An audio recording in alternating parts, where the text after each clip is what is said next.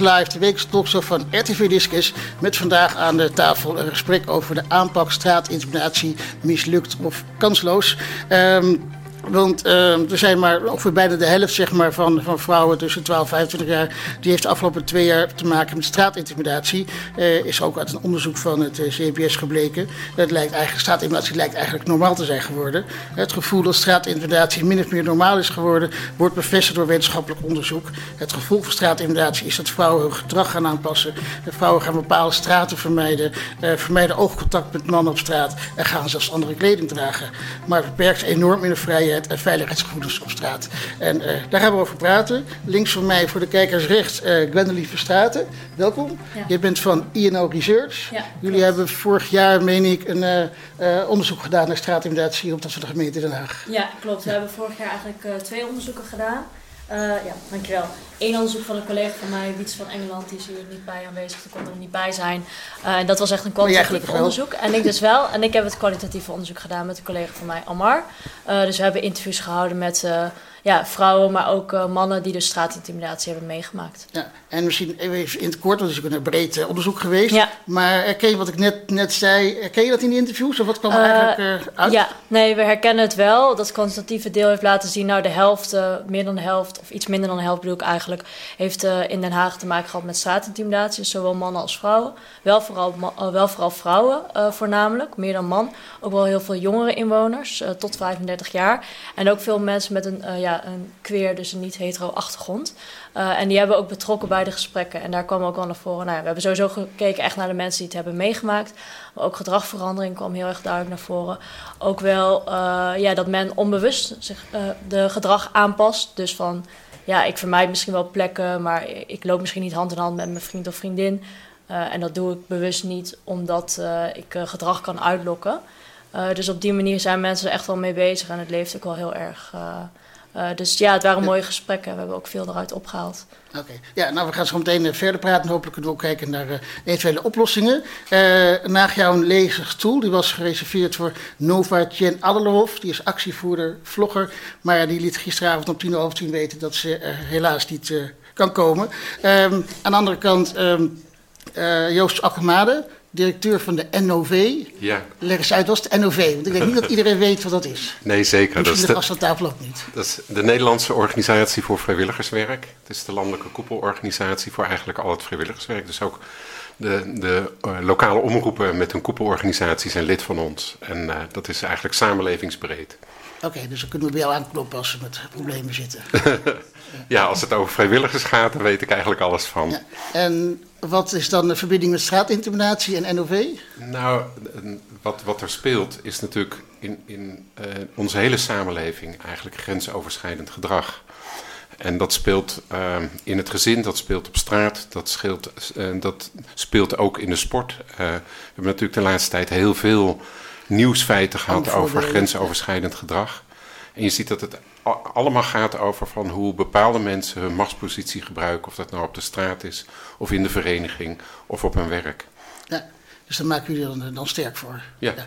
Uh, ja, naast jou Marije Mostert, de raadslid van D66. Uh, welkom. Uh, ja, je hebt vorig jaar, september, was het een, een, een actieplan, uh, hebben jullie als D66 opgesteld tegen straatintimidatie. nou, je hebt er wel wat teweeg gebracht, volgens mij, ja. afgelopen half jaar. Ja, ja, nee, uh, het uh, plan is uh, gelukkig grotendeels door de wethouder ook omarmd en meegenomen in het actieplan. Want het is gewoon onacceptabel. Hè? Meer dan de helft van alle vrouwen en mensen uit de, de regenboogcommunity zijn gewoon slachtoffer op straat. Nou, dat is gewoon onverteerbaar. En we moeten ons ervoor blijven hard maken. Want zoals hey, wat u ook zegt, het gebeurt op heel veel plekken.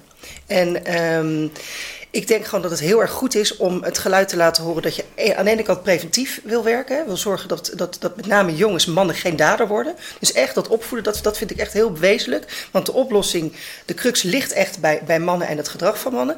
En anderzijds gewoon heel duidelijk als, als maatschappij aangeven, wij vinden dit niet acceptabel. Dus ja. wij vinden dat dit strafbaar moet zijn. Precies. Maar dan kijk, dat zijn er al verschillende oplossingen. Maar dan kom je al bij misschien één punt. Dat eh, de gemeente, de, burgemeester, die heeft ook al gezegd van strafbaar stellen, dat gaan we wel niet doen. Nee. Nee, dat klopt inderdaad uh, teleurstellend. Want ik vind dat we er alles aan moeten doen om te kijken of een lokale strafbaarstelling mogelijk is. In Alkmaar en in Arnhem is dat gelukt. Uh, ons college van burgemeester en wethouder zeggen: Nou ja, het, is, het houdt niet stand. Hè. In Rotterdam is het, is het teruggetrokken, omdat het echt een aangelegenheid is die bij de Eerste en de Tweede Kamer ligt. Um, toch vind ik dat we echt alle mogelijkheden moeten verkennen. Echt het hele pad afgaan om te zien of er echt geen mogelijkheden zijn om het wel te doen. Zeker gezien de strafbaarstelling landelijk pas in 2023 pas een feit is. En ik vind echt dat we, je hoort het van, van vrouwen, van mensen uit de regenboogcommunity die zeggen: wij voelen ons onvoldoende serieus genomen omdat het niet strafbaar is. Dat je er gewoon mee weg kan komen, dat is gewoon laakbaar. Dat vind ik gewoon, dat kan ik gewoon niet uitleggen. En uh, ik ben erin, hebben jullie in jullie onderzoek dat meegenomen om het uh, staat in strafbaar te stellen? Ja, ja klopt. Ook in het, uh, zeker ook in het kwantitatieve onderzoek. Daar hebben we echt naar gevraagd van wat voor maatregelen vind je belangrijk. Waaronder dus het strafbaar maken van straatintimidatie. Nou, dat was echt wel uh, ja, bijna drie kwart, uh, volgens mij uit mijn hoofd, was er wel voorstander van. Maar dat was een breder beeld uh, binnen de gemeente Den Haag. Dus niet per se alleen de slachtoffers. We hebben het ook in de interviews te sprake laten komen. Daar zaten mensen wel van ja, het is wel complex in de kant uh, wat je aangeeft, nou, je wil graag gehoord worden, serieus genomen worden, dat uh, gebeurt als het strafbaar wordt gemaakt. Alleen dan de navolging, dus de, melding, uh, de meldingsbereidheid is best wel laag. dus dat is echt wel een probleem waar iets aan gedaan moet worden. En ook van ja, bij wie kan je dan melden en wat voor opvolging wordt er dan ja, op gegeven. Dat is wel echt wel een, een discussiepunt en een probleem die slachtoffers heel erg zien. Ja. Dus dat zijn wel ja, criteria. Als je strafbaar maakt, uh, doe iets aan die, uh, ja, de manier waarop men kan melden. Ja, nou heel herkenbaar. Dat is ook wat we terug horen van, van mensen. Uh, de meldingsbereidheid neemt toe op het moment dat er strafbaarstelling en consequentie aan vastzit. Mensen zeggen ook dat dat, dat dat dus heel erg belangrijk maakt om die melding te doen. Maar wat je nu ziet is dat er een pilot is, dat er alleen gemeld kan worden op Scheveningen. Terwijl we natuurlijk weten dat het een stadsbreed probleem is. Ook in onderzoek, weliswaar Scheveningen en het uitgaansgebied uh, in Den Haag Centrum zijn wel uitschieters. Maar het gebeurt overal. En als ik gewoon jonge vrouwen spreek die zeggen: Ik loop 20 minuten om omdat ik door een bepaalde straat niet kan lopen. Ja, dat komt niet alleen op Scheveningen of in Den Haag Centrum voor. Dus als je die meldingsbereidheid wil vergroten, moet je ook zorgen dat mensen op een laagdrempelige manier, mm. bijvoorbeeld door een app, meteen kunnen melden en dat daar ook gevolg aan wordt gegeven. En ik denk ook heel belangrijk een stukje nazorg. Want je komt met iets, er overkomt je iets. En het is ook heel belangrijk dat er iemand met jou meekijkt. Van goh, welke stappen zijn hierna nodig? Er zijn ook mensen die uit angst gewoon niet meer uitgaan of uh, bepaalde plekken vermijden. Ja, en dat wil je natuurlijk wel voorkomen. Ja, natuurlijk het voordeel zeg maar, als je natuurlijk uh, stappen stelt, dan kan je, heb je die, die melding, die, die aangifteplicht. maar dan loop je ook wel misschien tegen een ander probleem aan, dat mensen die het meemaken, die hebben een soort angstschroom om erover te praten. Hoe hebben jullie dat zo geregeld bij vrijwilligers? Nou, dat Durven vrijwilligers erover te praten? Nou, dat zie je in, in zijn algemeenheid rond seksueel misbruik of grensoverschrijdend gedrag, dat daar ook een bepaalde vorm van schaamte soms bij het slachtoffer zit. Um, met het idee van, goh, heb ik het zelf uitgelokt? Um, nou, het ging ook even over van, je past je kleding aan. Dus er is iets waardoor uh, mensen uh, soms eerst naar zichzelf kijken en dan pas naar de ander. En wat je eigenlijk in heel veel voorbeelden ziet, is dat er onvoldoende veiligheid is. Of dat nou op straat is of in een vereniging. Of, uh, nou, kijk naar de Voice. Dat er uh, onvoldoende veiligheid is om eigenlijk het gesprek aan te gaan en daarin serieus te worden genomen.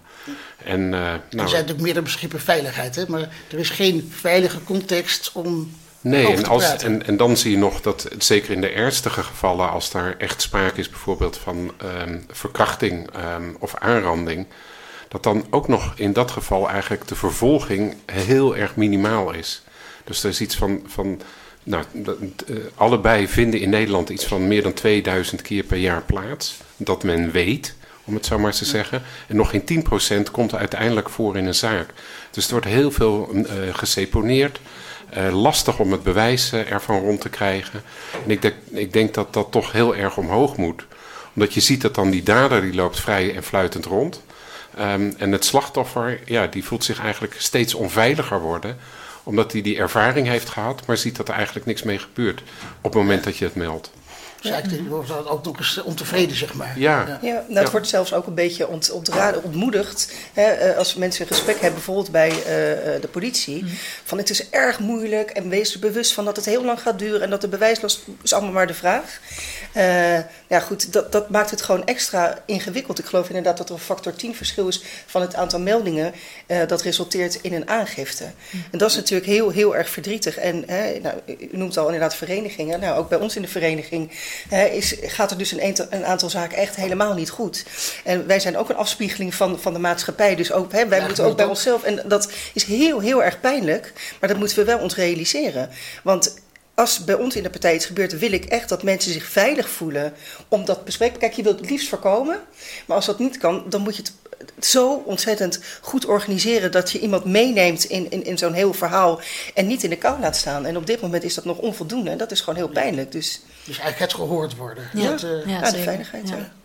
Want, ja, want nu, nu worden ze eigenlijk niet gehoord. Mensen Nee, durven, En, en- kunnen daar niet ja, over wat, praten. Wat eerder ook wel genoemd werd, is van het is ook een, een, een gedrag bijna ehm, waarop het eh, op een bepaalde manier wordt toegedekt dat bijvoorbeeld jongens zo'n uitlaatklep met elkaar moeten hebben. Of dat dat eh, leuk en grappig is. En je ziet dat ze elkaar dan ook onvoldoende aanspreken van wat is de grens? En, en wanneer stop je en waar, ehm, en waar moet je stoppen? En of dat nou in, in het bedrijf is eh, waar daar vervelende opmerkingen worden gemaakt, of op straat of, of in de vereniging. Het zijn allemaal de plekken waarin in feite er onvoldoende elkaar eh, aan, wordt aangesproken van dit kan en dit moet je laten. En dat het dus niet alleen bij het slachtoffer ligt, maar eigenlijk ook bij de omgeving die erop moet reageren. Ja. Ja. Ja, want ik zie ook, dat zei je in het begin natuurlijk ook al. Hè. Dus Ja. heel vaak is de aandacht naar de slachtoffer. hè, Want als je zegt strafbaar stellen, dan kijk je naar de slachtoffer. Maar eigenlijk is het dus ook, eigenlijk, nou, als je alle drie wil zeggen, eh, moet je eigenlijk meer kijken van spreekt de mensen die het doen op aan dat het niet Ja. normaal is. Ja, dan kom je eigenlijk ja. normenwaardediscussie volgens mij. Ja, zeker. Nou ja, breder dan dat denk ik ook dat je zegt, we hebben echt wel te maken met een ongezond mannelijke norm. Hè, die gewoon heerst in, in onze maatschappij. Waarin we gewoon heel erg gevormd zijn eh, en ook mee opgevoed zijn. En daar begint het dus hè, op, op jonge leeftijd. Het, het, het, het trainen, het opvoeden van, van, van jongens en meisjes. Maar met name jongens, want nu wordt de, de, er heel erg nadruk gelegd van hè, eh, weerbaarheidstrainingen voor meiden, voor vrouwen. Zorgen dat je voor jezelf kunt opkomen. Terwijl de andere kant is, als je gewoon zorgt dat eh, we met elkaar een andere norm afspreken hoe we met elkaar omgaan hoef je ook de andere kant niet te doen. Ja, dat, dus eh, die preventie dat vaders zijn zonen aanspreken van dat kan wel en dat Ja. kan niet. En dat goede voorbeeld laten zien. Als een vader nou, bij jullie op een voetbalvereniging zijn, eh, zijn zoon aan, aan, aan het aanmoedigen is. En die zegt, joh, als hij even gaat liggen omdat hij pijn heeft, je bent toch geen mietje? Ja, dat is een voorbeeld waarvan ik denk, nou, dat moeten we volgens mij niet willen. En daar zit de verandering ook in. Ja, en eh, nog even terug, want dat onderzoek laten ook zien dat ongeveer de helft zeg maar, van, de, van de vrouwen die hebben te maken met straatintimidatie. Maar eh, hebben jullie ook onderzocht dat het misschien ook wel eens eh, andersom kan zijn? Dat eh, vrouwen, dames, eh, mannen intimideren? Ehm, nou ja, we hebben, beide kanten op lijkt we, hebben, nou ja, we hebben ook gevraagd van nou wie denk je dan dat de dader is? En of het nou een man of een vrouw is, dat is wel redelijk makkelijk vaak door het slachtoffer te zien. Nou ja, er komt wel uit dat gewoon het overgrote deel wel echt man is. En vooral eh, wat jongere mannen, dat is wel echt de doelgroep die ook echt eh, dus eh, intimiderend gedrag vertoont. naar vooral dus vrouwen toe. Want de slachtoffers zijn vaak vrouwen, maar ook mensen dus met, uit de regenboogcommunity met een queer achtergrond. Dus je ziet echt wel die, ja, dat verschil. Dat wel mannen wel vaak de daders zijn. En vooral de wat jongeren in groepsverband zijn wel de, ja, de risicogroepen waar eh, vrouwen dan toch liever met een boog omheen, omheen lopen. Ja, dus het is inderdaad wel terecht zeg maar, dat Ja. we met name kijken dat de vrouwen is een slachtoffer en de mannen zijn de, ja, de Ja, dader. heel zwart-wit. Vermeend dader. Ja, ja, En ehm eh, heb je dan ook, hebben jullie ook onderzocht zeg maar, dat ehm, eh, als het dan strafbaar gesteld wordt, eh, ja, of dan er moet er wel capaciteit voor zijn om. Ja. die aangiftes En dat is wel een probleem. We hebben het natuurlijk niet heel erg goed kunnen onderzoeken, omdat het nog niet. eh nou, ik hoor dat er dus wel wat pilots zijn in eh, Arnhem en in een andere stad in Alkmaar, als ik het goed heb. Klopt. Eh, maar ja, in eh, Den Haag niet. Dus het is toch een beetje van ja, wat wordt er dan mee gedaan? En wat we wel nu merken hoe het nu zit, is dat eh, de helft eigenlijk ontevreden is als die naar de politie stapt om melding te doen met wat ermee gebeurd wordt. Dus ja, de huidige praktijk is gewoon niet voldoende voor de slachtoffers. En dat mensen aan de voorkant eigenlijk al nadenken van moet ik wel melden? Omdat als ik meld, moet ik mijn verhaal weer helemaal vertellen. En ja, komt er dan wel opvolging en heeft het voor mij wel nut? zijn eigenlijk de kosten niet hoger dan de baten uiteindelijk. Uh, doordat er niet zoveel meer wordt gedaan. Zodat mensen ook van anderen horen van ja, misschien moet je beter maar niet melden, want het heeft niet zoveel zin. Of dat zit wel tussen de oren bij de slachtoffers of de potentiële slachtoffers. Ja, we willen gewoon dat die meldingsbereidheid omhoog gaat. En ik, het is volkomen uh, evident dat we niet op iedere hoek van de straat een handhaver kunnen hebben om heterdaad te betrappen dat iemand uh, intimideert. Maar datzelfde geldt ook voor winkeldiefstal. En we zeggen ook niet, nou laten we dat allemaal goed kunnen, want we kunnen niet 100% mhm. een pakkans re realiseren. Het gaat erom dat wij met elkaar zeggen, dit is onacceptabel en dus strafbaar gedrag. Ik denk dat dat heel belangrijk is. En dat je helaas niet alle gevallen uh, ja, uh, op heterdaad kunt betrappen, dat is, dat is een feit. Want we hebben een groot tekort aan handhavers. En nou, wat mij betreft, wat D66 betreft, zullen we ook uh, in de komende periode meer handhavers opleiden en trainen op dit gebied. Omdat er gewoon heel veel druk op hen staat. Ja. Mensen die heel hard werken. Ja, je kunt maar op één plek tegelijkertijd zijn. Mm -hmm. dus, maar het is ook een bepaald signaal eigenlijk wat je dan uitstraalt. Doordat je iets strafbaar stelt, zeg je van nou, we nemen het serieus. Het is ja, ernstiger waarschijnlijk, of misschien even erg als een uh, inbraak of een uh, woningoverval, wat wel strafbaar is. Dus het is ook echt wel iets wat je als maatschappij dan uit kan dragen naar uh, ja, slachtoffers toe. Ja, ja, want het heeft natuurlijk uh, zo'n daad het heeft natuurlijk wel uh, verdere gevolgen. Mm. Want het is natuurlijk niet alleen maar uh, die ene opmerking of dat nawijzen of nafluiten. Maar het kan natuurlijk nou, misschien bijna le levenslang wel effecten hebben. He, zoals gezegd werd van mensen durven dan niet eens meer uit te gaan of durven niet eens meer ergens heen te gaan. Dus dat is. Nou ja, dat begint, ja nou, het begint. Het is natuurlijk eigenlijk. Ze, ze, hebben het vaak over de geweldspyramide. En onderin zit inderdaad het vergoeilijk, het grapjes maken, uh, het kleedkamergrapjes, om het even zo te zeggen. En vervolgens komt intimideren. Maar uiteindelijk, die stappen naar de piek, dat gaat uiteindelijk naar, naar femicide, naar het vermoorden van vrouwen. En ook dat is iets wat we niet moeten onderschatten. Het is onzin natuurlijk om te zeggen dat iedereen die wel eens iemand op straat geïntimideerd heeft, die piek komt. Maar het is wel een fase, het is wel een verspennende factor, waarin we dus wel echt heel goed rekening moeten houden. En dat begint met het aanpassen van de norm. Ja, precies. Want ik eigenlijk tot nu toe hebben we gepraat over die, die, die vrouwen, die, die slachtoffers. Um, maar uh, het is misschien ook wel eens zo dat misschien kan het al iets zo zijn dat vrouwen soms misschien uitlokken. Ja, nee, ik, ik, ik, val even stil. Dat, Nee, nee, nee, nee. Dat, uh, nou ja, dat, dat is eigenlijk een. Uh, ik vind het wel mooi dat je dat gewoon zo, zo eh, durft te vragen, zou ik bijna willen nou, zeggen. Nou, ja, nee, vind ik heel goed. Het, het, het, is, het, is, het, is een, het is een norm inderdaad die je stelt. Hè, van vrouwen lokken iets uit door hoe ze eruit zien. Uh, door de, de, lengte van een rok of, of door het dragen van een hoofddoek of een, een andere religieuze uiting.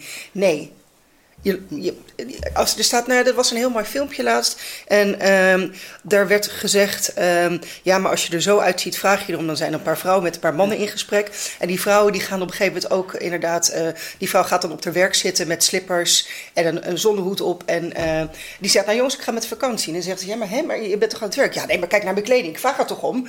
nou, en zo even ja. gekscherend, maar zo is het natuurlijk ja. wel. Op een gegeven moment, die jongen heeft dan een petje op van een, van een, uh, een basketbalteam. En die wil een chocoladetaart. Zegt: Hé, hey, maar jij, jij bent toch aan het sporten? Nee, die krijg je niet. Want je, je vraagt erom om sportief te zijn. Ja. Dus eventjes het omdenken mm. daarin. Nee, uitlokken, dat is nee. echt... Uh, maar het is okay. wel iets wat een beetje onbewust wel tussen de oren zit. Dat mensen, omdat ze dus hun gedrag aan gaan passen. Ja. Bijvoorbeeld door kleding, door plekken te vermijden. Door niet hand in hand te lopen als je bijvoorbeeld uh, op hetzelfde geslacht valt. Ben je er wel bewust van dat het kan gebeuren, dat je het wel uitlokt. Dus het is heel aan de ene kant lok je het niet uit, maar aan de andere kant denk je dat je het wel doet. Dus je gaat je gedachten toch op aanpassen. Dus toch een soort van psychologisch mechanisme wat eigenlijk ja, naar mijn idee gewoon niet goed is en ook niet zou moeten. Maar het gebeurt dus wel bij de slachtoffers of risicogroepen. Ja, je moet ja. denk ik een duidelijke streep trekken. Hè, van, op zich is natuurlijk seksualiteit is iets wat er tussen mensen is. Um, maar op het moment dat iemand duidelijk aangeeft, dit wil ik niet... dan is dat in feite het, uh, het no-go, om het zo maar te zeggen. Wat je ook voor kleding aan hebt of anderszins. En vaak is het dat die no-go, dat die wordt overschreden. En dat uh, een dader dus daar niet naar luistert, daar zich door niet door laat beperken en toch gewoon doorgaat. Ja, ja want als we het hebben natuurlijk over verkrachting, dan is natuurlijk wel de wet onlangs aangepast, of wordt volgens mij ja. aangepast, hè, dat echt als iemand al uh, non-verbaal aangeeft niet te willen, nee, dat, dat ook strafbaar. Dat, dus... dat er in feite dat er een, een verplichting is om eigenlijk, ja, ze noemen dat dan met een woord van consent, maar dat je in feite aangeeft dat je datgene wil wat je met elkaar wil doen en dat je het daarover hebt. Ja. Want natuurlijk de lastigheid met wetgeving is, in mijn beeld, is uiteindelijk gaat het allemaal om gedrag. En hoe we daar met elkaar ehm, het gesprek over hebben. En wat ik bij verenigingen zie, als het dan gaat over ehm, ehm, nou, mijn eigen achtergrond van het vrijwilligerswerk. Er zijn heel veel besturen van verenigingen die het een lastig thema vinden omdat ze uh, iets, een, eigenlijk soms een premisse hebben van een, een, idee van tevoren van, maar dit gebeurt bij ons niet. Nou, dat is echt volstrekt achterhaald, want we weten dat het overal, gebeurt. Door de hele samenleving. Um, En toch is, als, het, als we het hebben over ongewenst gedrag en ook over seksualiteit, dat dat blijkbaar nog steeds een lastig thema is om daar gewoon het gesprek over te voeren. Ja. En daar ook in verenigingen met elkaar, en, en, dus preventief te hebben over van wat vinden wij gewenst gedrag en wat vinden we niet. En hoe spreken we elkaar daarop aan. Dat werkt vaak tien keer beter dan elke wet of regel. Of, die zijn ook nodig om duidelijk de grenzen aan te geven. Maar juist wat er gewoon onderling gebeurt. En dat mensen weten van oh, maar hier ligt hier de grens. Dat is vaak belangrijker dan alles wat daarna komt. Ja. Dus eigenlijk boven alles is eigenlijk gewoon niet zozeer strafbaar stellen, maar gewoon dat het aanspreken op het gedrag, dat werd ook eerder genoemd. Um, en dat ja, dat is natuurlijk wel belangrijk, maar dat maakt natuurlijk wel heel erg moeilijk dat je net op uh, landelijke televisiezenders, dat daar ook niet eens op het gedrag wordt aangesproken. Sterker nog, daar doen ze een beetje lacherig over. Nou, dus, uh, ja, de voorbeelden die vallen over, die ja. buitelen over elkaar heen, om het zo maar te zeggen, de laatste tijd. Um, misschien ook wel goed, omdat daardoor het gesprek plaatsvindt. Um, met alle schaamte die daar uh, soms bij zit over hoe er op, wel of niet op wordt gereageerd. Ja. Of dat zie je ook bij de reacties die dan komen. Het lijkt op dat niet op gereageerd Nou, omdat er vaak. Kees, het voorbeeld laat mooi, ook, ook bij de Voice, dat dan in, eigenlijk in eerste instantie de reactie is van. Ja, maar iemand had zich toch gewoon kunnen melden bij ons. Ja. Dus je ziet opnieuw dat het eigenlijk dan wordt weggeschoven. Wij hebben het goed geregeld. En ja, die vrouwen die hadden toch gewoon, uh, want we hebben een vertrouwenspersoon ergens uh, in onze organisatie zitten, wel of niet bekend. Dus dan wordt het eigenlijk weer teruggespeeld naar het slachtoffer toe. En dat geeft precies aan van hoe het omgekeerd moet worden. Iemand moet serieus genomen worden. Um, en er moet uh, het gesprek over mogelijk zijn van wat moeten we hier anders en beter doen. Want blijkbaar hebben we dat niet goed gedaan. Ja, en dat is vooral dat aanspreken op het gedrag. Dus. Ja, daar begint het mee. En, en uiteindelijk regelgeving over um, echt uh, zware vormen van misbruik en dat soort dingen. Dat moet gewoon helder bestraft worden. En dat is, ja. dat is in de wet en regelgeving is dat neergelegd waar de grenzen liggen. Maar daarvoor zit ook al een heel groot stuk. Ja. En vooral het aanspreken op gedrag, dat begint natuurlijk al denk ik uh, in de opvoeding thuis. Dat ja, het ouders, begint met, ja, het begint met een norm. Hè? Ja. Uh, het feit dat nu die victim blaming, die eigenlijk automatisch ook bij de slachtoffer zelf uh, plaats heeft, hè? hoe jij dat ook net noemde, dat is gewoon iets wat we met elkaar moeten afspreken. Hè? Je moet eerst eigenlijk de norm afspreken. Vervolgens kan je daar ook, uh, dus je bespreekt het met elkaar, je maakt afspraken en dan kan je elkaar gaan aanspreken. En ik denk dat we nu bij heel veel organisaties zitten, dat we met elkaar aan het bespreken zijn om goede afspraken te maken waar je ook elkaar aan kunt houden. En dat betekent ook naar jezelf kijken. Dat is best confronterend. Hoe vaak heb, ik geen grapje gemaakt? Ik dacht, goh, weet je, dat, dat, dat is leuk. Maar misschien heb ik ook wel eens een keer een grapje gemaakt dat iemand eigenlijk helemaal niet leuk vindt. Betekent dus ook naar je eigen norm- en waardesysteem kijken, daaruit kunnen stappen en je verplaatsen in die van een ander. En dat is heel spannend. Dat betekent ook een stukje kwetsbaar opstellen. En ja, ik denk dat dat heel lastig is. Maar als het gaat over straatintimidatie, uh, zie ik toch echt wel dat die strafbaarstelling een signaal is naar slachtoffers we nemen dit serieus, we vinden dit gewoon niet toelaatbaar en we vinden dit uh, uh, zo heftig dat we het strafbaar willen stellen. Uh, om hen ook het gevoel geven serieus genomen te worden. En aan de andere kant heel erg inzetten op die preventie, zorgen dat jongens geen dader worden. Um, ze zeggen wel eens educate your men and love your women. Nou, ik denk dat dat een hele belangrijke is.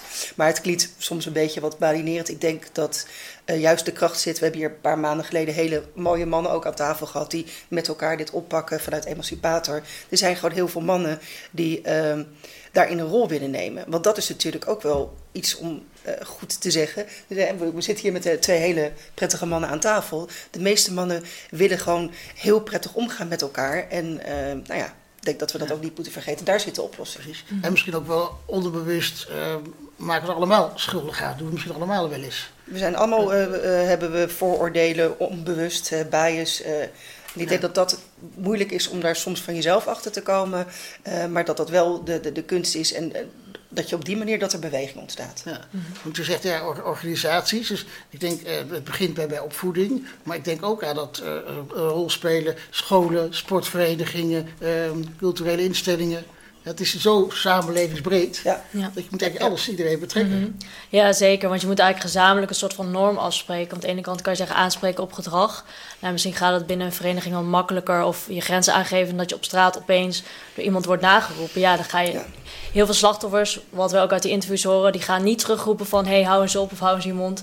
Of dit vind ik niet fijn. Dat, dat besef komt vaak pas daarna. Eh, en op het moment zelf willen ze gewoon snel weg van de situatie en lopen ze door. Dus willen ze juist niet die confrontatie aangaan. Eh, en wat ze eigenlijk ook wel heel fijn hadden gevonden, wat we ook wel eh, uit de gesprekken horen, is dat zeker op drukke plekken en op drukke momenten van een dag, dat ze dat heel confronterend vinden. Dat eigenlijk heel veel mensen op straat zijn en zij worden geïntimideerd, maar niemand als omstander zegt er iets van. En dat is nog een extra bevestiging eigenlijk dat er dus niet echt een soort van sociale controle heerst op straat, wat je ook misschien niet kan verwachten. Zeker niet in een grote stad. Niet iedereen kent elkaar, niet iedereen vo- voelt zich aangesproken, maar dan moet er toch een soort van normverandering eh, ontstaan, waardoor dat misschien wel gebeurt. Of dat slachtoffers eh, ja, zich wel eh, sterker durven te maken. Of dat de daders dus dat gedrag niet gaan vertonen, of de potentiële daders. Ja, dat is eigenlijk te vergelijken met dat eh, als er een ongeluk gebeurd is, dat ehm, de politie moet zeggen van kom er niet naartoe. En het eerste wat mensen doen is allerlei filmpjes maken om op social media te zetten, eh, in plaats van dat er hulp geboden wordt. Dat is eigenlijk hier hetzelfde, dat eh, in die grote groepen waar dan mensen worden nagefloten en nagesist en nageroepen, dat er niemand is van hé, hey, dat kan niet, dat kan je niet maken. Dus daar begint ja. ik ook al die verandering in gedrag. Ja. Om gewoon, Ja, klopt. Er is een hele mooie campagne van de Rutgers, Ben je oké? En dat is inderdaad heel erg gericht op de rol van de omstanders. Eh, ik heb vaker mensen horen zeggen: Ja, goh, ik zag het gebeuren bij de tram, ik wou dat ik iets had kunnen doen. Dat je, kunt altijd iets doen. En op het moment dat je denkt dat de situatie dusdanig gevaarlijk is, dan schakel je de politie in. Maar soms is het ook wel heel simpel: ga even naast iemand staan. Eh, zorg dat iemand niet alleen is. Laat ook iemand niet alleen achter. Ik denk dat dat een hele belangrijke is, dat we ons daarop richten. Mensen zijn bang, en dat is misschien ook wel begrijpelijk, maar als je mensen wat de tools meegeeft, denk ik dat dat echt heel erg kan werken. Hetzelfde met safe clubbing. Eh, hè, mensen die uitgaan, nou, er gebeurt ja, het- grensoverschrijdend gedrag van leuke flirt tot aan inderdaad mensen heel erg angstig worden. Dat, dat is denk ik ook een hele belangrijke. En daarin hebben ook weer de mannen zo'n ontzettend belangrijke rol. Check even, is dit, gaat het goed met iemand? Voelt hij zich prettig? Is het nog oké? Dus eigenlijk, ja, dat komt ook op eh, neer, ja, dat, eh, dat, dat aanspreken eh, van elkaar. Dat niet alleen natuurlijk de bekende, hè, de bekende groepjes.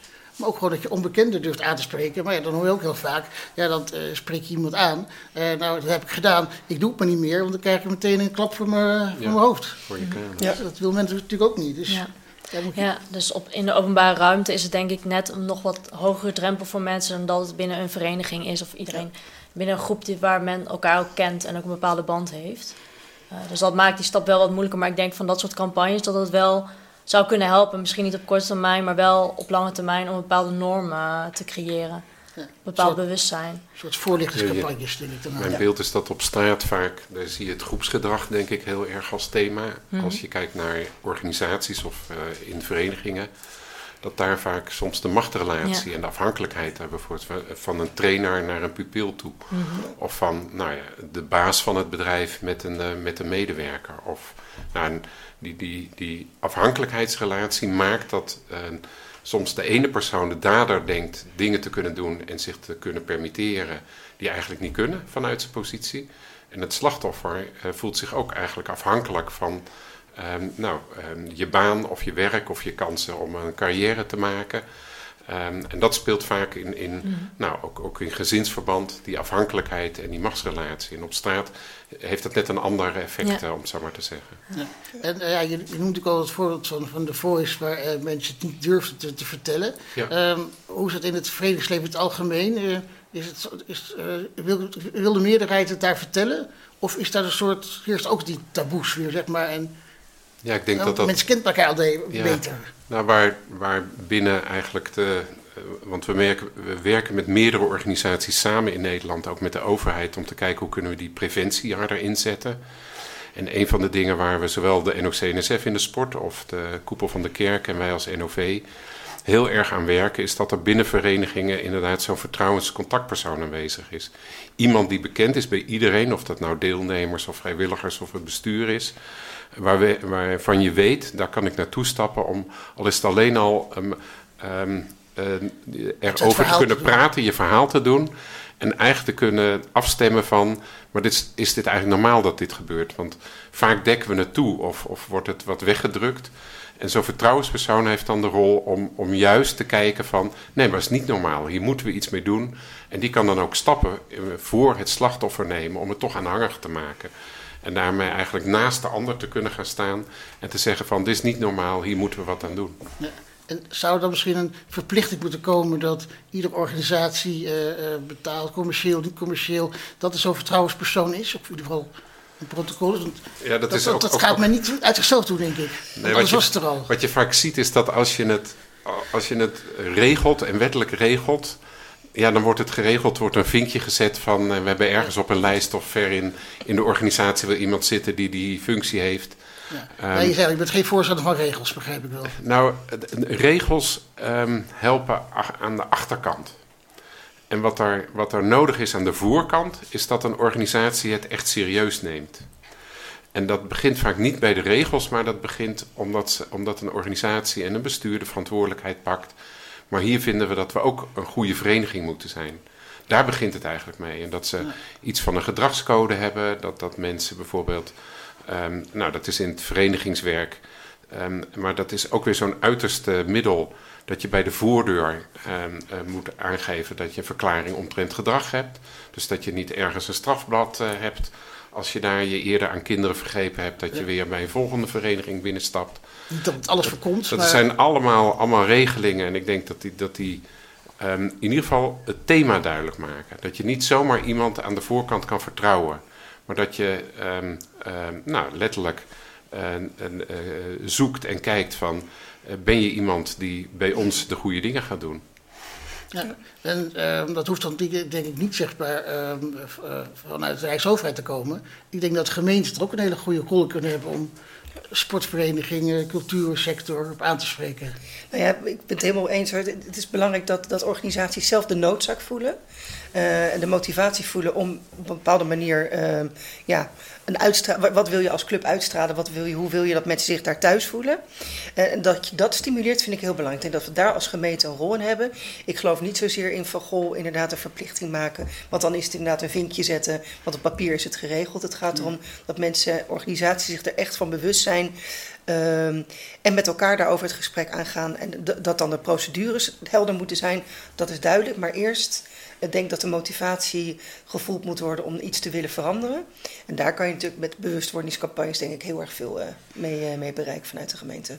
Ja, dus in die zin ook voorlichtingscampagnes, niet alleen zeg maar voor uh, slachtoffers of, of met name ook daders, maar ook voor die organisaties. Om ja. die aan te geven hoe belangrijk het is. Want dat hebben we denk ik ook wel onderzocht en gehoord, denk ik. Uh, nee, we hebben ons wel echt in het onderzoek echt gericht dus op intimidatie op straat. Dus niet zozeer echt in verenigingsleven, dus dat staat er wel los van. Maar ja, als je het een beetje... Onderwerp heet ook straat inderdaad. Ja, inderdaad. parallellen trekt, kan je wel zeggen van... Nou ja, er moet ook gewoon een soort van cultuurverandering worden uh, komen... wat ook binnen een vereniging uh, zo is. Dus ook door bepaalde bewustwordingscampagnes... of gericht op de, ja, de persoon op straat of op de persoon binnen de vereniging. Dus ik denk dat je daar wel vergelijking uh, in kan trekken. Ja. Dit zijn eigenlijk vormen van allemaal gemeenschappen. Hè? Of je ja. nou, de straat in feite is een gemeenschap. Uh, je hebt de wijk of de buurt die daar met elkaar soms afspraken maakt over wat willen we in onze wijk of buurt of niet. Uh, ik denk de school is een vorm van gemeenschap van jongeren, mm -hmm. uh, waarin er ook een veilige school, nou daar zijn ook programma's voor. Maar in feite dat je dus elke keer ziet van hoe vormen van gemeenschap daar met elkaar het gesprek over hebben. Um, van, van, um, uh, en preventief eigenlijk met elkaar hebben. Wat vinden we gewenst gedrag en wat niet? Ja, ja dat is een, ja, een algemene discussie, zou je moet zeggen. Um, maar die, ja, dat moet wel gestimuleerd worden om dat te bespreken. Ja. He, dat het duidelijk moet zijn van uh, wat is gewenst, wat is ongewenst. Mm -hmm. En ik denk ja. ook uh, in de. Um, uh, je hebt het hier over. Het onderwerp heet ook straatintimidatie, maar je kan het breder leggen. Daar natuurlijk uh, sportverenigingen. Um, of andere uh, culturele sectoren. En ik denk dat het belangrijkste is om aan te geven van dit kan niet, stop. Maar natuurlijk wel het moeilijkste om. Ja, hoe ga je dat vertellen? Dat zijn ook geen leuke boodschappen natuurlijk. Nou ja, ik denk dat heel veel mensen gewoon op een plezierige manier met elkaar willen omgaan. En dat er weinig mensen zijn die bewust uh, willen intimideren of hun macht willen misbruiken. Dus ik denk dat er een grote bereidheid is. En zeker omdat nu op grote schaal die gesprekken plaatsvinden. En dat we dus zien dat het overal voorkomt. Hè, in politieke partijen, in uh, uh, sportverenigingen, televisieshows allemaal plekken die een afspiegeling zijn van uh, de samenleving. Ik denk dat daardoor uh, de urgentie wel heel erg voelbaar is bij mensen. Tenminste, dat is wel de ervaring die ik heb. Ja. Mm -hmm. Ja, want ik zei het al, dat uh, actieplan van de 6,5 jaar geleden heeft veel teweeg gebracht. Dus ja, door alle uh, aandacht, met name publieke aandacht, uh, staat natuurlijk wel, kan het hoog op de agenda staan. Dat het echt nu urgent is om iets aan te doen. Dan ja, het probleem gaat eigenlijk aan, zeg maar, dat uh, aan de ene kant moeten we kijken naar het slachtoffer, maar niet onbelangrijk ook naar, naar de daders, om die op het gedrag aan te spreken. Ehm, ik hoorde ook, zeg maar, dat je eigenlijk verplicht stellen, strafbaar stellen, heeft ook nog wel zijn haken en ogen. Dus je kan beter echt op dat, uh, op dat gedrag hè, dat ze gaan zitten. Um, kunnen we misschien zo meteen even verder doorgaan. Hoe kunnen we dan dat gedrag uh, beter doen dat we mensen aangesproken worden op wat goed en verkeerd is. Maar we onderbreken even het gesprek voor de wekelijkse column. En die wordt gelezen door Michel Rogier. Van de week. Stel dat je in 1945 toegang moest betalen voor het vieren van de vrijheid op een plein of een grasveld bij jou in de buurt. Tot voor kort was zoiets ondenkbaar, maar anno 2022 bij een georganiseerd officieel bevrijdingsfeest in Groningen wordt dit wel gedaan. Dat het soms goed mis is met het historisch besef van enkelen, dat maakt de polarisatie en de groeiende kloof tussen arm en rijk op steeds meer plekken in de wereld helaas duidelijk. Ook in Nederland. Naarmate we verder weg zijn van de laatste momenten van een verschrikkelijke oorlog in Nederland en naarmate de direct betrokkenen bij die oorlog, zoals onze ouders, opa's en oma's, ons ontvallen, mis ik de waarschuwende woorden van hem. Wie zijn geschiedenis niet kent, is gedoemd haar te herhalen. Een citaat van schrijver-filosoof George Santayana. En de man kon het weten, want hij heeft zowel de Eerste als de Tweede Wereldoorlog meegemaakt. Het vieren van de vrijheid zoals wij dit kennen van de 14 officiële bevrijdingsfestivals in, Den Haag, in Nederland, compleet met lessen op scholen, bewustwordingscampagnes, ontmoetingen tussen culturen van jong tot oud, is daarom enorm belangrijk. Het is een doorgeslagen marktwerking van onze democratie als overheden niet bereid zijn om officiële bevrijdingsfeesten voldoende financieel te ondersteunen, waardoor bij bezoekers toegang gegeven moet worden.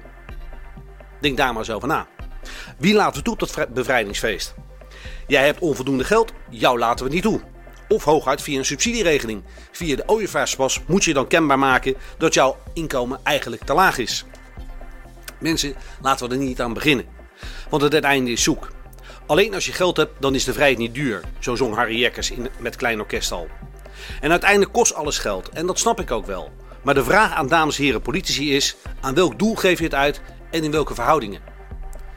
Het stadsbestuur van Groningen noemde het jammer dat er dit jaar een intreprijs gegeven moest worden voor het bevrijdingsfestival.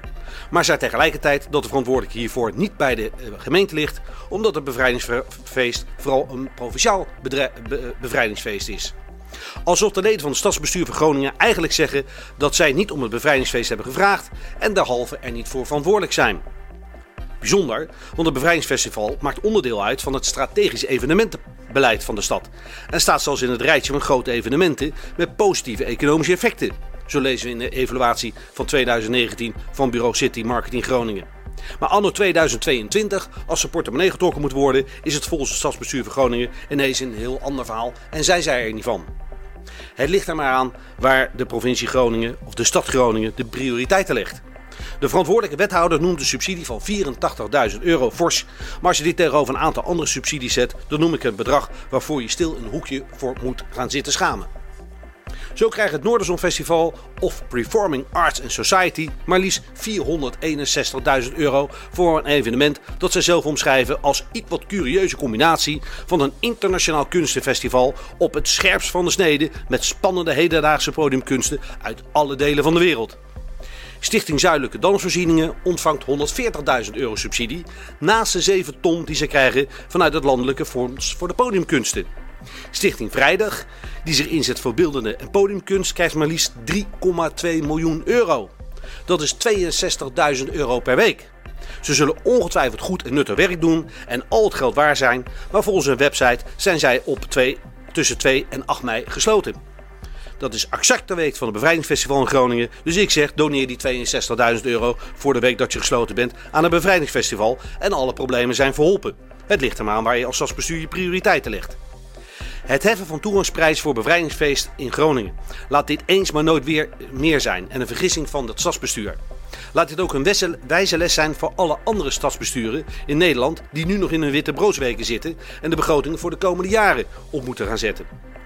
Reserveer ruim voldoende budgetten voor evenementen waarbij je door middel van kunst en cultuur mensen bij elkaar kunt brengen en waar je met elkaar contact kunt komen en begrip kunt kweken voor elkaars verschillen in geloof, afkomst en geaardheid. En dit geldt juist voor een evenement als Bevrijdingsdag. En dit geldt ook voor Den Haag. Want ook dat staat op scherp. En laat het komende college hier voldoende rekening mee houden. Want ook hier staat de organisatie van het Bevrijdingsfestival onder grote financiële druk. Zorg dat er ook in Den Haag voor de komende jaren ruim voldoende budget is voor een evenement, voor een evenement als het Bevrijdingsfestival. En je mag een subsidie van 225.000 euro voor een bevrijdingsfestival in Den Haag natuurlijk fors noemen. Maar hé, hey, we praten wel over een iets grotere stad. De internationale stad van vrede en recht, als we het dan toch over city marketing hebben. En ik vraag daarom aan het nieuwe stadsbestuur: gaan we Den Haag toegang heffen voor bevrijdingsfestival? Of trekken we de komende jaren de subsidie daarvoor gelijk met die van het andere grote gratis evenement, namelijk Parkpop, met een subsidie van 350.000 euro? Betalen voor een volksfeest met alle educatieve waarden, waarbij je elkaars vrijheid viert. Betalen voor het feest, voor een volksfeest, het vieren van onze vrijheid, één na dag nadat we diegene hebben herdacht die zijn gestorven voor die vrijheid. Gaan we meemaken dat we voor dodenherdenking ook toegang gaan heffen? En zoals gebruikelijk staat de column weer lezen maandag op rtvdiscus.nl. Uh, ja, dus eigenlijk als we het hebben over aanpak straatinterdatie, hebben we eigenlijk eh, twee, twee, twee, pijlers. Uh, aan de ene kant het verbieden, strafbaar stellen. En aan de andere kant het, aanspreken op, op, gedrag. En uh, als we toch nog even teruggaan naar dat verbieden, dat strafbaar stellen, um, lopen we dan volgens mij ook wel tegenaan. Dat um, er is natuurlijk volgens mij, je zei in Arnhem, Alkmaar is het al gebeurd. Rotterdam heeft vier jaar geleden ook natuurlijk een verbod op straatintimidatie gehad. jammer dat Nova niet er is, want die had kunnen toelichten waarom dat goed zou zijn. maar dat is ook weer, um, um, weer doorgestreept, omdat het strijd is met de vrijheid van meningsuiting. En ja, maakt dat grondrecht van vrijheid van meningsuiting um, ja, de aanpak van straatintimidatie niet kansloos? Nou ja, dit, het is inderdaad, in Rotterdam is het teruggedraaid. Hè. Heeft, heeft de rechtbank gezegd, het kan niet. In Alkmaar en in Arnhem is ervoor gekozen om het weg te zetten in APV onder hinderlijk gedrag. Dus die hebben daar een andere route voor gekozen. Um, ik heb begrepen dat het heel ingewikkeld is juridisch. Dus uh, ik denk dat het ook heel goed is om daar ook in Den Haag een aantal goede juristen mee te laten kijken. Maar wat ik eerder zei, ik vind het gewoon heel erg belangrijk dat we alles op alles zetten om het voor elkaar te krijgen. En dat betekent dat we het hele pad bewandelen. En als uiteindelijk blijkt dat het niet mogelijk is, dan is het niet mogelijk. Maar ik vind echt dat we het alle mensen die slachtoffer zijn van straatintimidatie gewoon verplicht zijn om dat te doen. Uh, voordat de landelijke uh, uh, strafbaarstelling een feit is. En dat kan nog wel tot, tot medio 23 duren. Ja. Het staat buiten kijf dat preventie, het voorkomen van straatintimidatie natuurlijk het allerbelangrijkste is. Want als je, denk ik, mensen vraagt, wat heb je liever? Dat het je niet overkomen was of dat wat je overkomen is ook bestraft wordt? Dan denk ik dat iedereen zou zeggen, ik wou dat het mij niet overkomen was. En dat is denk ik de allerbelangrijkste pijler, namelijk die preventie. Ja, ja dus eigenlijk als ik het goed begrijp, dan uh, is jouw oog de aanpak straatintimidatie niet kansloos, maar verre van dat. Uh, dat uh, was denk ik wel te verwachten na alle actieplannen. Ja. Um, dus eigenlijk, en ook, dan komen we toch op dat, op dat gedrag aanspreken. Dus naast juristen die dat verbod en strafbestelling moeten onderzoeken, zou je eigenlijk ook psychologen moeten hebben. Om te kijken hoe kunnen we dan mensen aanspreken op gedrag. En dan begrijp ik ook dat je nou zegt dat je beide moet aanspreken op, op het gedrag. Zowel slachtoffer als die dader. Ja, of daarvoor dus nog. Ja. Eigenlijk, eigenlijk begint het daarvoor. Dus aanspreken doe je op het moment dat er iets gebeurt wat, je, wat, niet, wat de grens overgaat. Eigenlijk zou je willen dat mensen die grens niet overgaan. Ja, dus ja. potentieel eigenlijk al. Potentiële ja. daders en slachtoffers. Wat, ook, uh, wat wij ook wel hebben opgehaald, ook uit de gesprekken met de slachtoffers, dat daar ook wel behoefte aan was. Om het gewoon echt wel breed te trekken. Dus ook op scholen of bij verenigingen of bij buurthuizen of bij andere uh, festivals, evenementen waar mensen samenkomen om daar gewoon echt wel die bewustwording uh, te creëren. En ook door bijvoorbeeld mediacampagnes, bushokjes met uh, mooie posters, zodat gewoon het eigenlijk een soort van breed gedeeld ja, beeld is eigenlijk bij iedereen van ja, dit is gewoon niet wenselijk. Dit vinden wij niet wenselijk als Haagse maatschappij bijvoorbeeld. Dus los van de daders en de slachtoffers.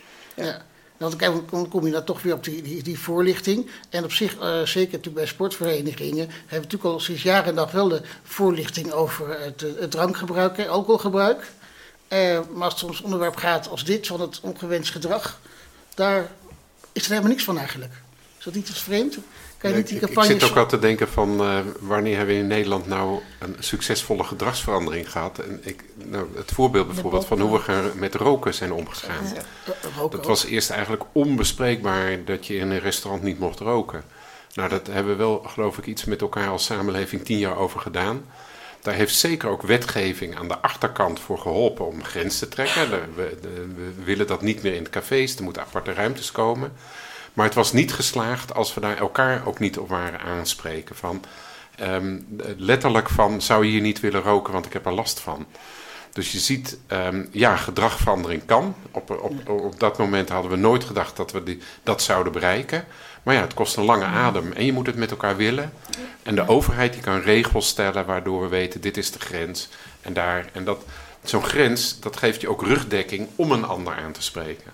Ja. Dus eigenlijk toch ook weer die regels, hè, waar jij eigenlijk in het begin van het gesprek zei, dwars van regels was. Nou, ik was Zeg niet dwars van eigenlijk, Kunnen regels. regels wel wat helpen? Nee, ik ben niet dwars van regels, maar ik zeg van als, als we het alleen moeten hebben van wetgeving en regels, dan komen we er niet. En want dan wordt het eh, iets aan de buitenkant en een vinkje.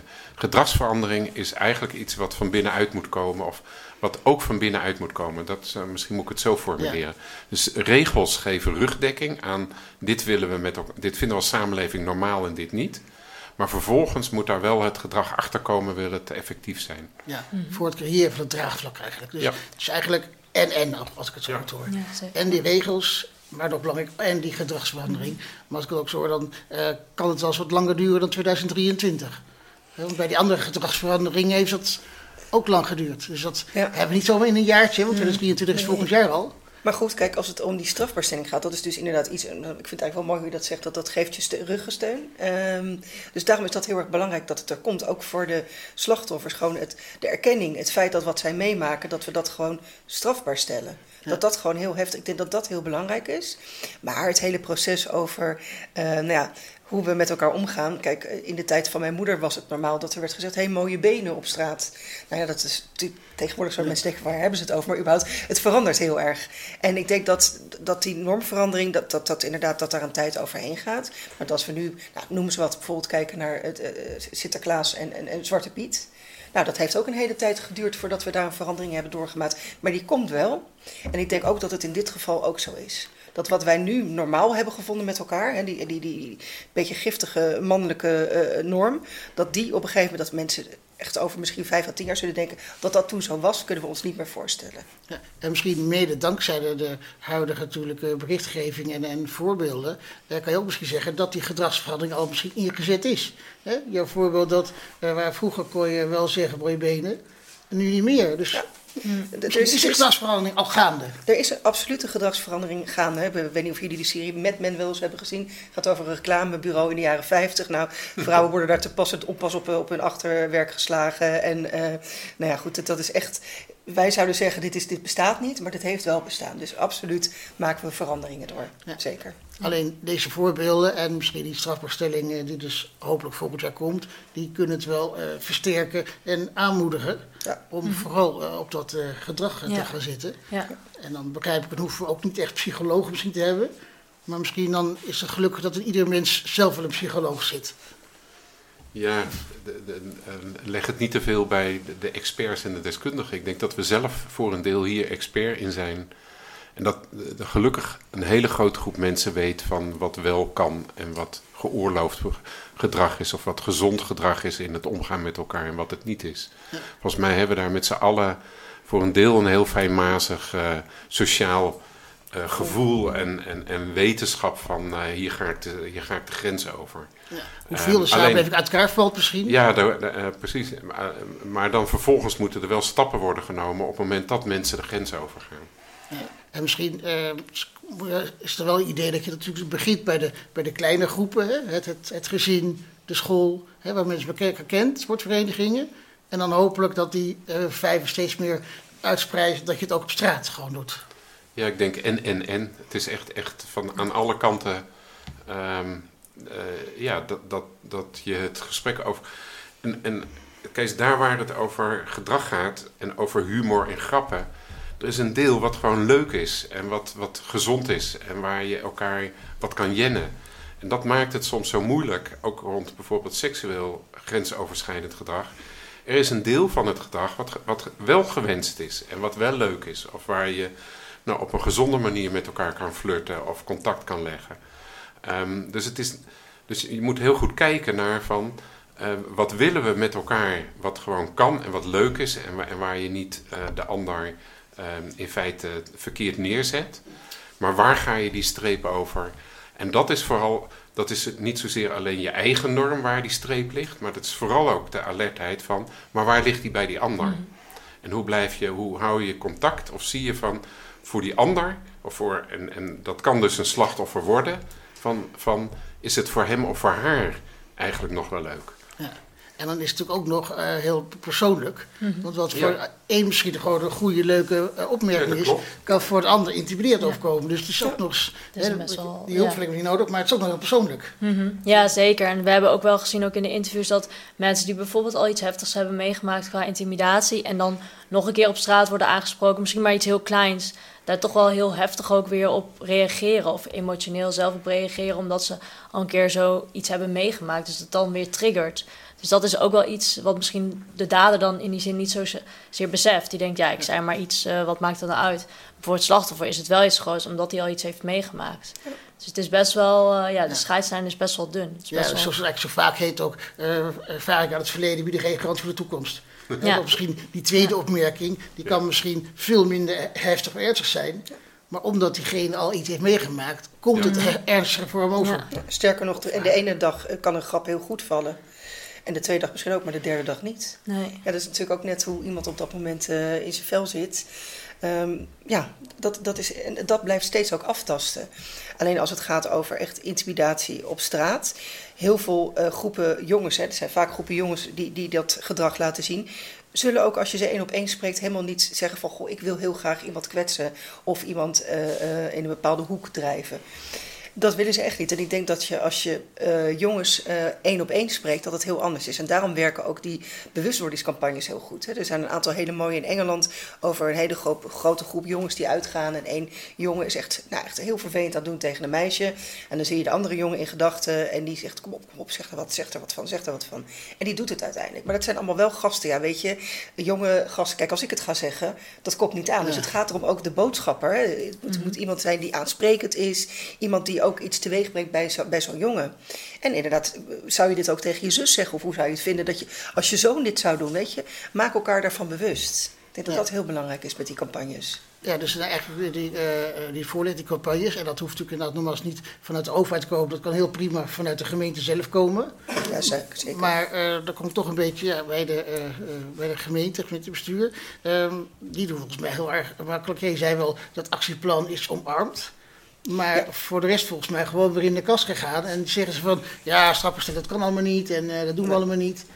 Dus nou, het, hoe gaan we de, de, het gemeente, het nieuwe bestuur, gaan we ja. overtuigen nou ja, kijk, dat is natuurlijk een, grote taak voor mij om te zorgen dat het in het nieuwe coalitieakkoord, als we inderdaad uh, uh, zelf in de coalitie komen, heel duidelijk wordt, wordt, wordt vastgelegd. Maar wat wel is toegezegd en wat ik ook is ingezet, is de bewustwordingscampagnes. Um, dat er een he for she netwerk komt, hè, met dus mannen voor vrouwen. En er is ook toegezegd dat er lesmateriaal, bijvoorbeeld door een, een, een, een afdeling als 1622, die allemaal ja, werk voor, noem dat, trainingen voor jongeren maken, dat die ook gericht op, op deze uh, thema's zeg maar, uh, worden ontwikkeld. Dus dat zit ja. in de molen. Ik heb daar nog niet resultaten van gezien. Ik denk dat dat ook nog te kort is. Maar dat we wel kunnen zeggen, goh, ik heb begrepen dat we ook geloof aan het einde van de zomer weer een, een soort ja, rapportage krijgen hoe het de afgelopen periode gegaan is. Dan kan je ook gaan checken wat heeft nou gewerkt, wat is nog onvoldoende en waarvan vinden we dat het meer moet of dat het erbij moet of dat het juist anders moet. Ja, ja en dan zie je het dingen. Ja, want ik dacht al, waar komt dat al vandaan? Aanpak uh, straatintimidatie kansloos. Toen dacht ik, ja, kan dat op zo'n korte termijn überhaupt worden gezegd? Want ik zag dat jullie plan van september vorig jaar was. En denk, ja, het is echt een, uh, zeker een verhaal, zeker dat preventie van lange adem. Uh, normverandering, cultuurverandering, ja, ja dat kan je niet. Gedragsverandering kan je niet. Dat weet iedereen wel, dat het niet binnen een paar nee. maanden verwezenlijk kan worden. En dat uh, aanpak van het strafbaar stellen, ja, dat, dat kost ook gewoon veel tijd. Dus het is gewoon beide. Ik denk, ja, je kan niet binnen een half jaar of iets langer zeggen van nou, het is niet gelukt of het is wel gelukt. Ja, maar als we hier al een tijdje over praten, dus zijn we het over eens dat het inderdaad zeker niet kansloos is, zeker voor, jou niet. En dat die opmerking misschien alleen maar terug te leiden is naar misschien de burgemeester die dat zo vond omdat hij misschien uh, het allemaal niet belangrijk vond. Maar ik denk... Nou, ik denk dat de burgemeester het wel belangrijk vindt, maar dat het inderdaad die strafbaarstelling een hele ingewikkelde is. En um, ik ben daar heel kritisch op en ik kan me voorstellen dat dat niet altijd uh, als prettig wordt ervaren. Maar ja, ik bijt me daar nou toch in vast. Ja. En ik was ja, niet blij kan... met het antwoord op de, op de motie die we hebben aangenomen, het onderzoek, namelijk naar wat de mogelijkheden zijn om in Den Haag strafbaarstelling lokaal in te zetten.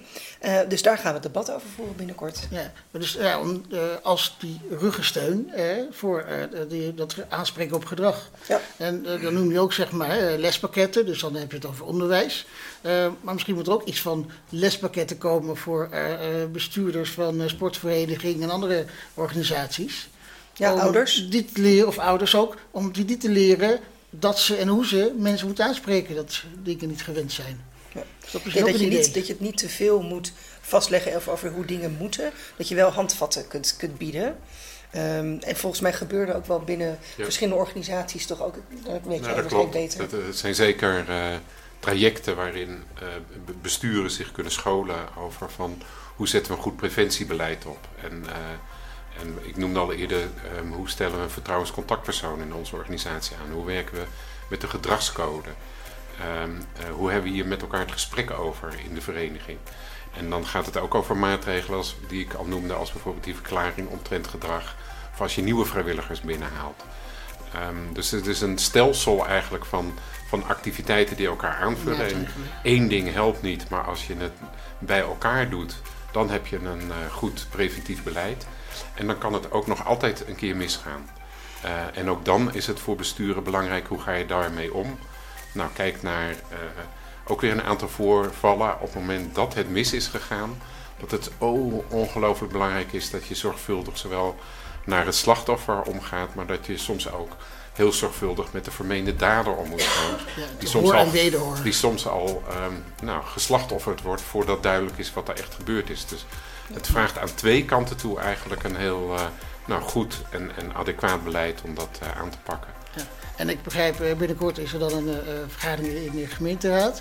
Um, wat zouden jullie, zeg maar, Marije nog willen meegeven om te ondersteunen van, dat de gemeente echt iets aan gaat doen? Ja, ik denk vooral wat je zegt, eh, maar dat heb je al genoemd natuurlijk, de preventieve kant. Dat het gewoon heel belangrijk is. Gewoon de brede bewustwording. Los van of het wel of niet strafbaar kan uh, worden gemaakt uiteindelijk. Ja, landelijk kan het dan blijkbaar wel. Dus dat is al goed. Maar dat je als gemeente alsnog wel gewoon een start daarin moet maken en kan maken. En dat je een bepaald signaal ook uitstraalt. Ook naar iedereen die in Den Haag woont, maar ook uh, werkt. ja, er op vakantie is. Dus dat je echt wel... Dat, dat, dat je daar wel hard voor moet maken. En zou jij nog argumenten hebben voor mij om daar haar te ondersteunen? Nou, blijf dus niet alleen juridisch technisch kijken van wat kan er in wetgeving. Um, dat is zeker een weg om te kijken van wat kan wel. Maar ik denk met name dat je ook in een campagneachtige kant uh, uh, het aan de orde moet stellen. En, en, langzaam die norm verschuiven van dit vinden we gewoon onacceptabel als samenleving. Hier moeten we gewoon een grens gaan stellen. Ja. Nee, duidelijk. Nou, veel werk aan de winkel, maar ik had ook niet uh, de illusie dat we hier de, de, oplossing meteen al mee zouden geven. En wat wel ook duidelijk is geworden, dat is natuurlijk een, een, een, een jarenlang plan. Het is niet even één actieplannetje en klaar, maar dat is misschien van tevoren ook al. Dus het zal nog jaren duren, weer die gedragsverandering. Uh, maar in ieder geval hebben we hier aandacht aan besteed en we hebben geholpen aan die gedragsverandering. Uh, wij zijn weer gekomen aan het eind van dit programma. Kijk en luister naar de herhaling van dit programma op rtvdiscus.nl. Dit programma werd mede mogelijk gemaakt door beeld Kees Kouwenberg, geluid Marcel van Genen, camera Borst en Babak Mokadam. De, de, redactie en presentatie was van ondergetekende. Uh, Volgende week uh, zijn we er weer. Dan met een uitzending over hoe je uh, mishandelde vrouwen weer op weg kan helpen uh, met een doorstart te maken. kijk ook woensdag om 7 uur naar het Eskamp Journaal. Ehm, bedankt voor het kijken en tot volgende week.